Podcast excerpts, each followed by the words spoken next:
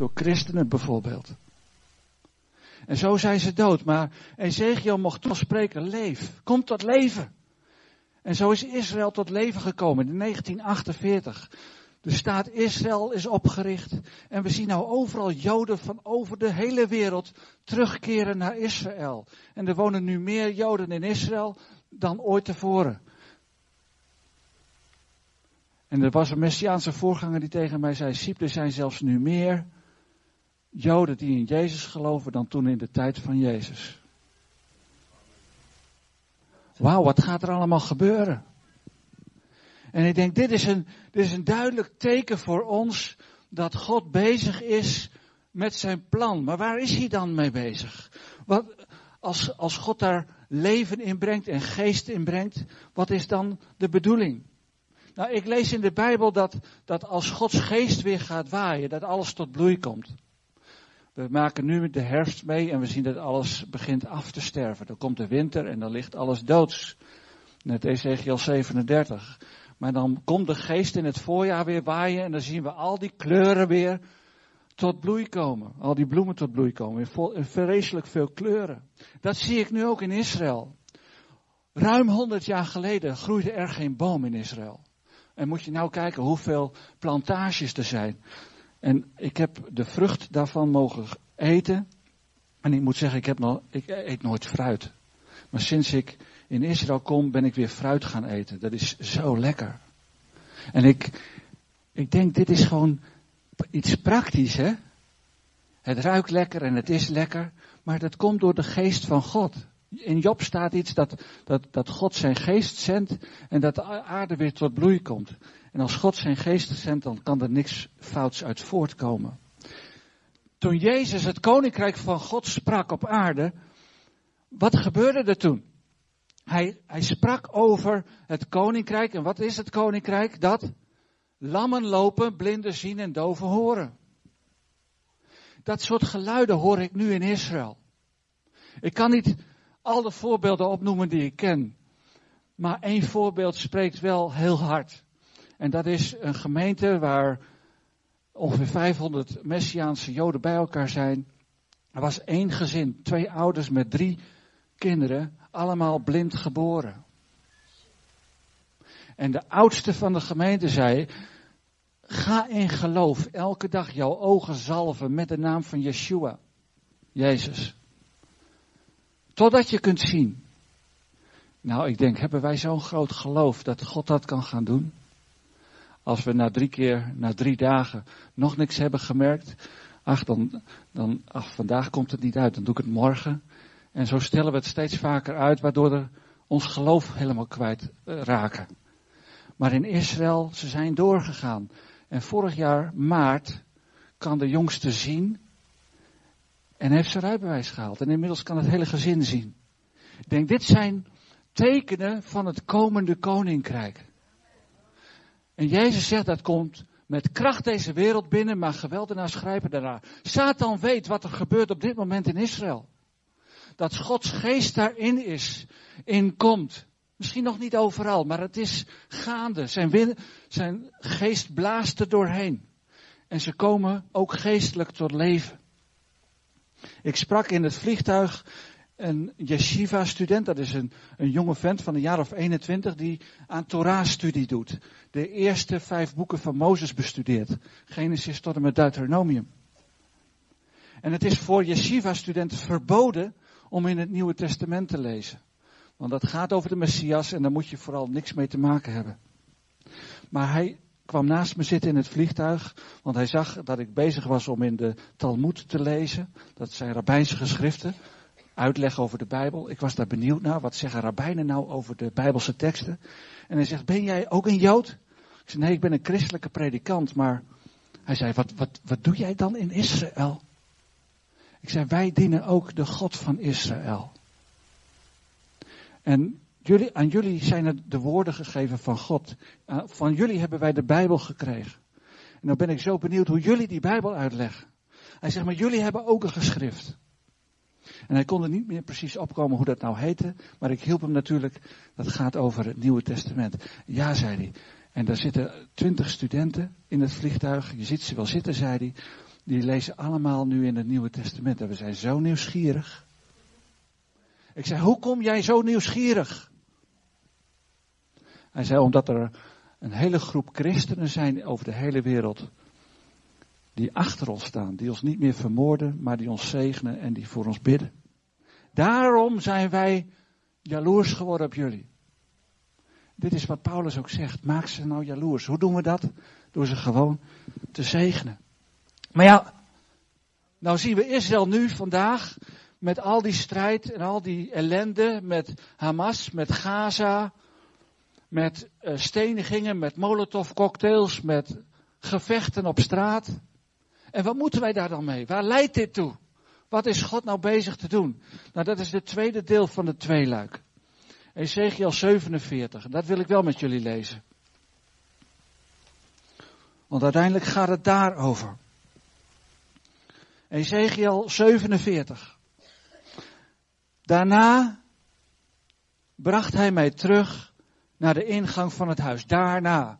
Wat is er daarvoor gebeurd? Vanaf hoofdstuk 37 tot hoofdstuk 47 gaat het over de, tweede, de derde tempel. Die gaat komen. Dus vanaf hoofdstuk 37, die dal van de dorre doodsbeenderen, tot nu gaat het over de bouw van de tempel. En dan staat er, hij bracht mij terug naar de ingang van het huis. En zie, er stroomde water uit. Van onder de drempel van het huis naar het oosten. Want de voorkant van het huis lag naar het oosten. Dat klopt. Want als je op de Olijfberg staat, wat aan de oostkant van Jeruzalem ligt, dan kijk je eigenlijk, als de tempel er zou staan, zo op de ingang van de tempel. En het water stroomde naar beneden van onder de rechterzijde van het huis, ten zuiden van het altaar. Vervolgens bracht hij mij naar buiten via de noorderpoort en leidde mij, leidde mij buitenom rond naar de, noord, naar de buitenpoort in de richting die naar het oosten gekeerd is. En zie, uit de rechterzijde borrelde water. Dus hij gaat de noordpoort in en, dan moet ik het wel goed doen, gaat hij oostelijk langs en dan komt hij op de Olijfberg uit en misschien kennen jullie dat plaatje allemaal van die twee poorten die helemaal dichtgemetseld zijn. Dat plaatje, daar, daar spreken we over. Daar staat Ezekiel nu. En vervolgens bracht hij mij naar buiten, uh, nee dat heb ik al gelezen, vers 3. Toen de man naar het oosten naar buiten ging, was er een meetlint in zijn hand. Hij mat duizend el en liet mij door het water gaan. Het water kwam tot de enkels. Hij mat weer duizend el en liet mij door het water gaan en het water kwam tot de knieën. Toen mat hij weer duizend en liet mij erdoor gaan. Het water kwam tot de heupen. Nog eens mat hij duizend el. Het water was een beek waar ik niet door kon gaan. Want het water was heel hoog. Water waar men alleen zwemmend door kon. Een beek waar men anders niet door kon gaan. Hij zei tegen mij, hebt u het gezien, mensenkind? Toen leidde hij mij en bracht mij terug naar de oever van de beek. Toen ik teruggekeerd was, zie, bij de oever van de beek stonden zeer veel bomen. Aan deze kant en aan de andere kant. Hij zei tegen mij, het water stroomt weg naar het oostelijke gebied en stroomt in de vlakte naar beneden en komt in de zee. In de zee uitgestort wordt het water gezond. En het zal gebeuren dat alle levende wezens die er wemelen, overal waar een van beide beken naartoe komt, zullen leven.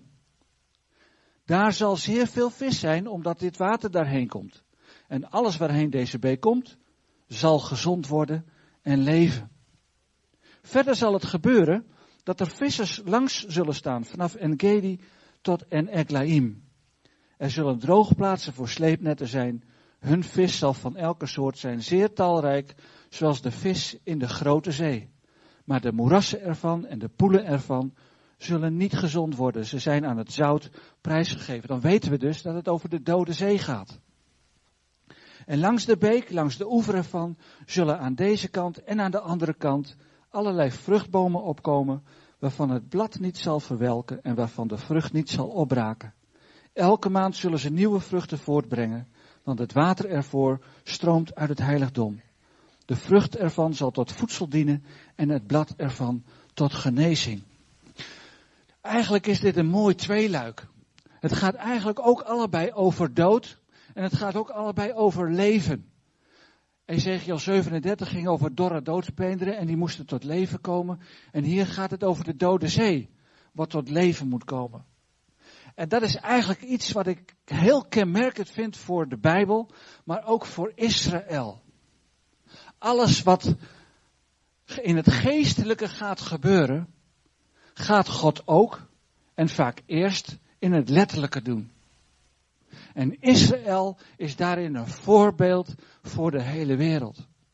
Dus als wij een verlangen hebben voor onze gemeentes, als wij een verlangen hebben voor ons persoonlijke geloof, dan zou ik eigenlijk zeggen, kijk naar hoe Israël het doet. Paulus zegt, dat is een voorbeeld voor ons. En het is eigenlijk meer dan een voorbeeld, want Israël neemt een, een plek in de Bijbel in die God hen heeft toebedeeld om naar een bepaald doel toe te werken. En dat doel was, eerst moeten ze weer opnieuw opgericht worden, Ezekiel 37. En het doel is Ezekiel 47. En dat doel is die dode zee weer gezond maken. In het letterlijke, in het natuurlijke. Oké, wat zegt dat dan? Die dode zee, hoe was die ook alweer ontstaan? Dat was al helemaal in het begin. Toen God Abraham riep. En toen kwam Lot daar en neefje van Abraham. En ze waren in grote zonde. En God kwam toen naar deze aarde. Als je vandaag nog tijd hebt, kun je naar de Radio Israël luisteren. Dan leg ik dit, deze tekst wat meer uit. God kwam naar deze aarde om Sodom en Gomorra om te keren. De verdorvenheid was zo groot dat het is gaan rijken tot de hemelen. En God zegt, nu ben ik daar klaar mee en ik ga dat helemaal omkeren. En dan zie je dat dat wordt omgekeerd met vuur en zwavel. En dat er uiteindelijk zout overblijft. En de vrouw van Lot keek om, die wilde eigenlijk terug, die verlangde terug naar die rijkdom en al de geweldige dingen die in Sodom waren. En zij werd een zoutpilaar. Ga maar nalezen in Genesis. Zoutpilaar, hé, hey, Dode Zee is toen ontstaan. Het was een hele vruchtbare vlakte. Maar God heeft het omgekeerd. En eigenlijk zou ik zeggen, de Dode Zee is eigenlijk het letterlijke, de letterlijke verdorvenheid van de mensheid. Wij zijn als mensen verdorven. Wij deugen niet, zegt Paulus. Iedereen is, heeft zich van God afgekeerd. En wat is het gevolg daarvan? Dood. Doodsheid. Er is geen leven mogelijk. Er is geen vis die, die daar zwemt. Toen ik daar in mei was met Family 7, zei Marcus Wegen tegen mij: Siep, ik ga hier een, een, een visshop beginnen, een hengelsportzaak. Want als deze beloften allemaal waar zijn, ik denk ja, Waar, waar, waar kun je nu nog naar vissen? Er is alleen één vis en dat is zoute haring. Maar het is de dorheid en de doodsheid van de mensheid. God laat eigenlijk een, een plaatje zien waar wij naar kunnen kijken. En dat is de Dode Zee. Het laagste punt op aarde. 420 meter onder de zeespiegel. Er is geen andere plek op aarde die lager ligt dan de Dode Zee. En dan zeg ik, je kunt niet dieper zakken geestelijk niet, maar ook letterlijk niet, dan de Dode Zee. Het is, de Dode Zee is onze verdorvenheid, ons plaatje, jouw situatie, zonder Christus, zonder Jezus. Zo is de wereld daaraan toe. En dan is hier sprake van een rivier die leven brengt. Dus wat is God gaan, aan het doen? Wat is zijn ultieme plan? Leef! Niet alleen maar voor Israël, maar voor de hele wereld. Leef! Dat is zijn boodschap, dat is zijn doel. Ja, en dan als je dan kijkt naar hoofdstuk 47, dan borrelt er ergens water uit en dat, dat brengt die, die zee tot leven. Er zijn heel veel commentatoren die hebben gezegd, dit kan helemaal niet wat daar staat. En Israël was ook helemaal weggevaagd naar het jaar 70. Er was geen, bijna geen Jood meer die in Israël leefde. Dus zeiden de commentatoren, dan moet dit iets anders te betekenen hebben. Dan zal het wel geestelijk bedoeld zijn. En toen zeiden ze van ja, dat, dat stroompje uit die tempel, dat is natuurlijk uit de hemel, geestelijk. Dus zijn geest komt naar deze aarde. En dat wordt een, eerst een heel klein stroompje tot de enkels en dan tot de knieën en tot de heupen. En vervolgens moet je er helemaal in zwemmen. Ik denk, nou dat vinden wij evangelische Pinksterchristenen heel fijn. Want laat ons maar lekker dobberen in de geest. Maar gaat het daar wel over?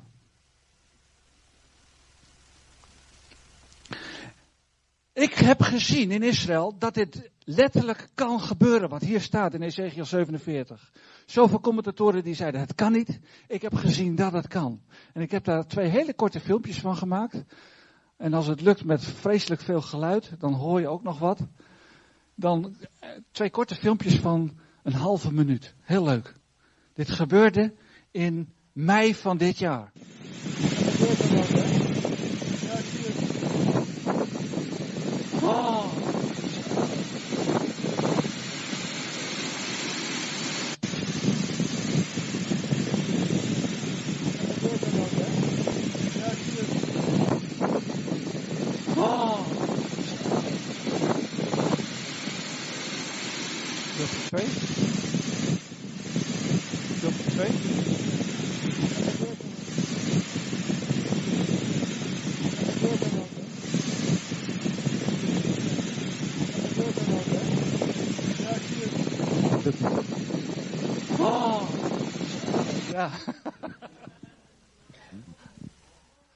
Er moet eigenlijk nog een tweede filmpje. Die, die uh...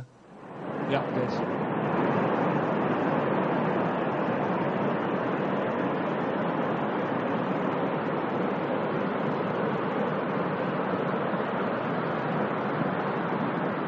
Helemaal bovenin zie je de Dode Zee.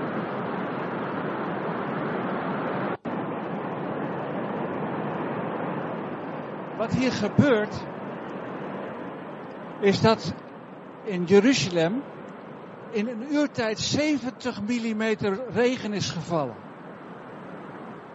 70 mm, dat gebeurde vorige week ook en er stonden heel wat auto's onder water. En dat water is gaan stromen en dat spuit nou bij de Dode Zee de rotsen uit. Dus waar Ezekiel het over heeft, dat er een klein stroompje komt vanuit de tempel. En dat gaat stromen richting de Dode Zee en maakt dat water gezond. Hier zie je het voor je ogen. Als er water stroomt vanuit Jeruzalem, komt dat hier uit de rots spuiten. En ik moest ook denken aan Mozes, die tegen de rots sloeg en dat er water uitkwam. Ik dacht altijd, het is een wonder. Maar het kan in Israël gewoon. Want het water stroomt gewoon door de bergen heen. En dat spuit er dan uit Duizenden miljoenen liters komen hier uit. En dat stroomt met een heel klein stroompje, zag je. Tot aan de enkels reikte het. Maar het was een bulderend kabaal en het sleepte allemaal rotsen mee en takken en allerlei troep. Werd in zo'n heel klein smal stroompje meegevoerd. Grote rotsblokken heb ik op de weg zien liggen, een meter hoog. Door zo'n klein stroompje. Dus wat in Ezekiel staat, kan gewoon gebeuren. Ik heb het voor mijn ogen gezien.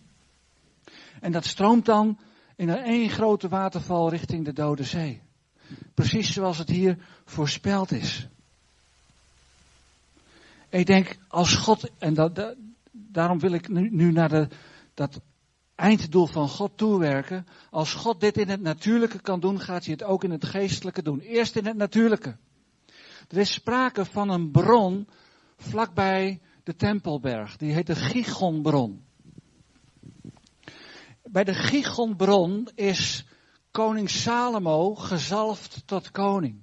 Als enige koning van alle andere koningen. Hij heet koning Salomo. En als ik zeg koning van Shalom, Shlomo, koning van de vrede, vredevorst, dan gaat er al eens dagen dat koning Salomo een type is van de komende Messias, Jezus. Hij is gezalfd bij die, bij die Gigonbron en die Gigonbron zit in een ander dal vlakbij Jeruzalem. Die oostelijk ligt. Het Kidrondal. Die plek waar dat water uit de rots spuit heet ook Kidron. Dus er is een kloof die loopt vanuit Jeruzalem richting de Rode Dode Zee. Jeruzalem ligt op 800 meter boven NAP en de Dode Zee op 420 beneden. Dus over amper krap 20 kilometer moet het water een ruim kilometer dalen. Nou, dat gaat met veel geweld gepaard, kan ik je zeggen.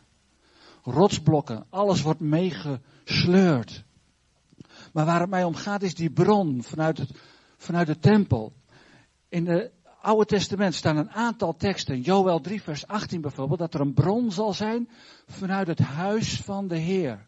Dus er wordt een link gelegd tussen die Gigonbron en het huis van de Heer, de tempel. In Zachariah 14 vers 8 wordt gezegd, er zal een bron zijn vanuit Jeruzalem en de Heer zal dan koning zijn. hey, daar begint ons iets te dagen. Wat is God van plan? Zijn koninkrijk gaat komen. Openbaring 22 zegt er zal een bron zijn vanuit de troon van God. Waar is de troon van God? Wij denken allemaal in de hemelen. De troon van God in de hemelen. Je moet maar eens gaan lezen in 1 Kronieken 29, vers 23. Ik zei net, Salomo was gezalfd tot koning bij die bron. En vervolgens is hij Jeruzalem binnen gaan lopen en is gaan zitten op de troon van zijn vader David. En dan staat er in 1 Kronieken 29 bij, dat is de troon van de Heer. De troon van God staat met vier poten op deze aarde. God regeert nu. Jezus regeert nu. Hem is alle macht gegeven in de hemel en op aarde. Maar zijn koninkrijk is nog komende. En daar zien we af en toe een glimpje van. Dan wordt er hier iemand genezen, daar staat er iemand op. Dat zijn glimpjes van dat komende koninkrijk. Maar dat is komende. En wat er dus gaat gebeuren is dat dat koninkrijk komt en dat Jezus gaat zitten op die troon van God. Dat werd toch ook gezegd door de engel Gabriel toen Jezus geboren zou worden. Wat zei Gabriel tegen Maria? Noem hem Yeshua, dat betekent redder, want hij is de redder van zijn volk. En hij zal op de troon van zijn vader David komen te zitten. Dat is gezegd tegen Maria over Jezus. Hij zal dat gaan doen. En wat zal het gevolg zijn als hij dat doet? En aan zijn rijk zal geen einde komen. Dat is het doel waar God naartoe werkt met deze aarde, met Israël. En waar staat die troon van David? In Zutphen? Amsterdam? Londen? New York? VN? Jeruzalem is de plek. Daar draait het om. Dat gaat God in het letterlijke doen. Maar zoals ik zei, God heeft ook een geestelijk plan. Hij gaat het ook in het geestelijke doen. En daarom zeggen wij als gemeente vaak, het koninkrijk van God is onder ons. Iedere keer als wij zien dat mensen genezen worden door de kracht van God. Iedere keer dat mensen de Heilige Geest ontvangen, zeggen we iedere keer dat is het koninkrijk van God. Geestelijk, maar God gaat het ook letterlijk doen. Daarom horen Ezekiel 37 en 47 ook bij elkaar. En wat gaat God dan doen? Nou, de, daar hebben we gezien, er gaat zeer veel vis komen in die dode zee. Dus die dode zee, daar zegt Ezekiel eigenlijk van, leef! Nou, je kunt er nu alleen in drijven. Zoutgehalte is meer dan 33 procent. Maar Ezekiel gaat zeggen, leef! Nou, dan komt daar zeer veel vis. En er zijn nog veel meer dingen die daar gebeuren. Elke maand staat er in vers 12. Elke maand zullen al die vruchtbomen die daar dan groeien. Nu groeit er bijna niks. Nieuwe vrucht voortbrengen, want het water stroomt ervoor uit het heiligdom. De vrucht ervan zal tot voedsel dienen en het blad ervan tot genezing. God gaat het letterlijk doen. Er gaan vruchtbomen komen die tot genezing zullen zijn. Maar God gaat het ook in het geestelijke doen. En dat daar mogen wij vandaag al van proeven. Zoals we hier vanmorgen bij elkaar zitten. Want God zegt, ik wil dat doen voor alle volken. Zodat alle volken kunnen leven. En dan, dan ga ik even weer terug naar die dode zee. Ik zei, die dode zee staat voor onze verdorvenheid, onze doodsheid. Dus eigenlijk zou ik moeten zeggen, ieder van ons en ik zelf ook, heb een dode zee in mijn leven. Een dode zee met een zeer hoog zout, zoutgehalte. Wat gebeurt er met, met jou als ik zout in jouw wonden strooi? Dat doet vreselijk veel pijn. Dus ik geloof dat, dat wij allemaal een stukje dode zee in ons leven meedragen. Voor de een zit het hier en voor de ander zit het daar. Of het nou lichamelijk is, of psychisch, of geestelijk. Iedereen heeft een stukje dode zee in zijn leven meegemaakt. En dit is het gevolg van de ellende van deze wereld. Wat we elkaar aandoen en wat Satan ons soms aandoet. Maar God gaat zeggen, ik ga daar verandering in brengen. Want Ezekiel mocht zeggen, leef! Kom tot leven! En dan komt dat water van Gods geest stromen. En je hebt gezien hoeveel kracht erachter zit. Voor een klein beetje al. Stroomt van alles mee. En ik denk, we hebben allemaal van die rotsblokken in die dode zee. Van ons. Allemaal van die zware dingen, van die rugzakjes op onze nek. Die ons zo zwaar om de nek zitten, die we maar meesleuren. Oké, we hebben Jezus aanvaard in ons leven, we hebben zijn geest mogen ontvangen. Maar toch, dat rugzakje voel ik nog steeds. En de bedoeling is, laat dat rugzakje nou eens los. Laat het water van zijn geest nou eens komen. En laat hem die rotsblokken nou mee laten sleuren. Er is maar een beetje watergeest voor nodig. Om dat mee te laten sleuren. En wat gaat er dan gebeuren? Dan komen we tot bloei. Dan gaan bomen groeien. Dan komen de geuren vrij. Dan komt er bloei vrij. Dan komen de vruchten vrij. En wat staat er dan? Dat zal tot genezing zijn. Ik wil één ding nog met jullie lezen en dat is Openbaring hoofdstuk 21. Openbaring 21, daar verschijnt Jezus aan Johannes, die op Patmos is.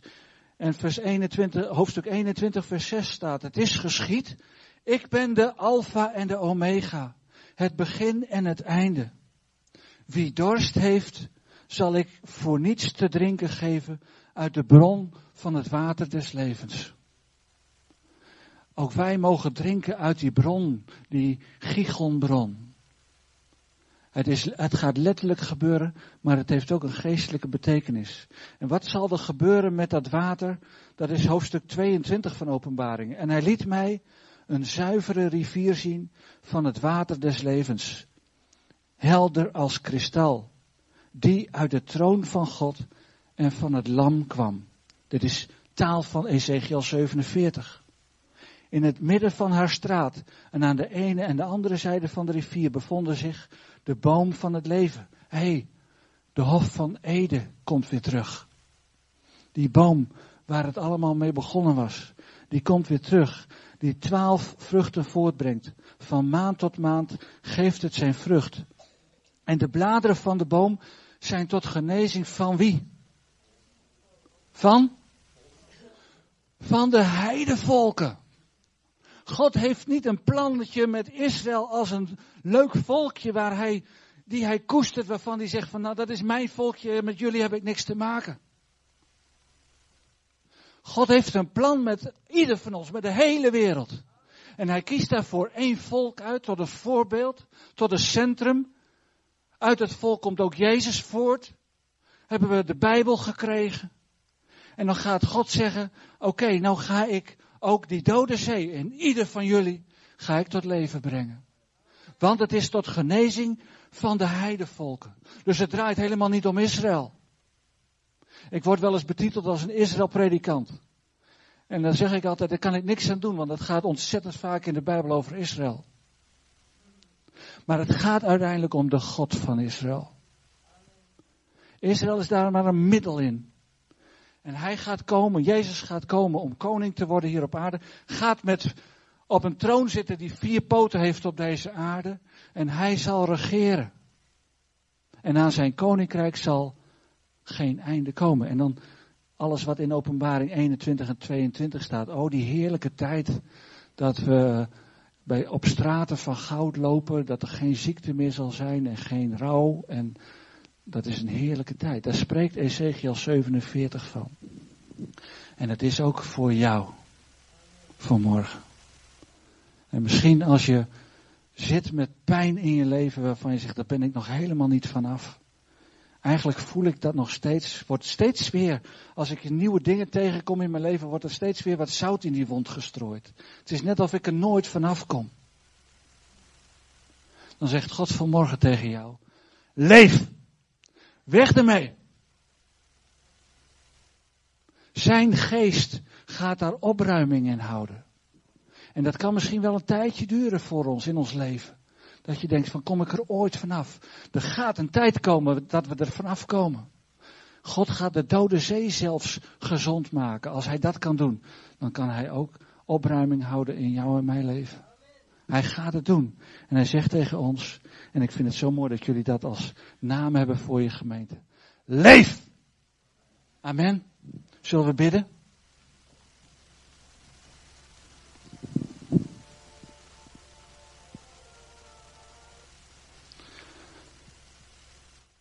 Ja, vader, dank u wel voor uw woord. Heer, dat u aan Ezekiel iets hebt laten zien. Wat u gaat doen met deze wereld. Heer, dat we niet af hoeven te gaan op al die nare beelden op ons journaal. Op al die nare dingen die we om ons heen zien gebeuren. Oorlog hier en oorlog daar. Heer, maar dat u toewerkt naar een plan met deze hele wereld. En dat u daar Israël een centrale plek in hebt gegeven. Heer, wij verafgoden Israël niet. Maar wij zetten Israël weer op de plek die u het hebt gegeven. En wij willen Israël daarin ook erkennen. En wij bidden voor Israël op dit moment. Vader, strek uw hand uit. En bescherm uw land en bescherm uw volk. Zodat kan gebeuren wat u in Ezekiel 47 hebt beloofd. Heer, dat er een bron zal komen vanuit Jeruzalem die de Dode Zee gezond zal maken. Ik geloof, Heer, en we hebben de beelden ervan gezien, dat u het letterlijk gaat doen. Maar Heer, u gaat het ook geestelijk doen. U gaat opruiming houden in deze wereld en ook in ons leven. En ik bid, Vader, dat u dat met kracht laat komen. We bidden om de komst van uw Zoon, Jezus, naar deze aarde. Kom met kracht, Jezus. Laat zien dat u de overwinnaar bent. Laat zien dat u de koning bent, die op de troon van uw vader David gaat zitten. En u bent daar naar op weg. Heer, en ondertussen zien wij al die oorlogen. Vader, hou ons bij uw woord. Hou ons dicht bij uw hart. Hou ons dicht door uw heilige geest bij uw leven, bij uw bron. Want we willen drinken uit uw bron van levend water. Want dat is verfrissend vrij. Want dan kunnen we wel bij dansen, dan gaan onze voeten dansen. Vader, ik bid, stort uw geest zo uit. In deze wereld. Ook in onze gemeente hier. Zodat wij ook tegen Zutphen mogen zeggen. Leef in de kracht van de Heilige Geest. Amen.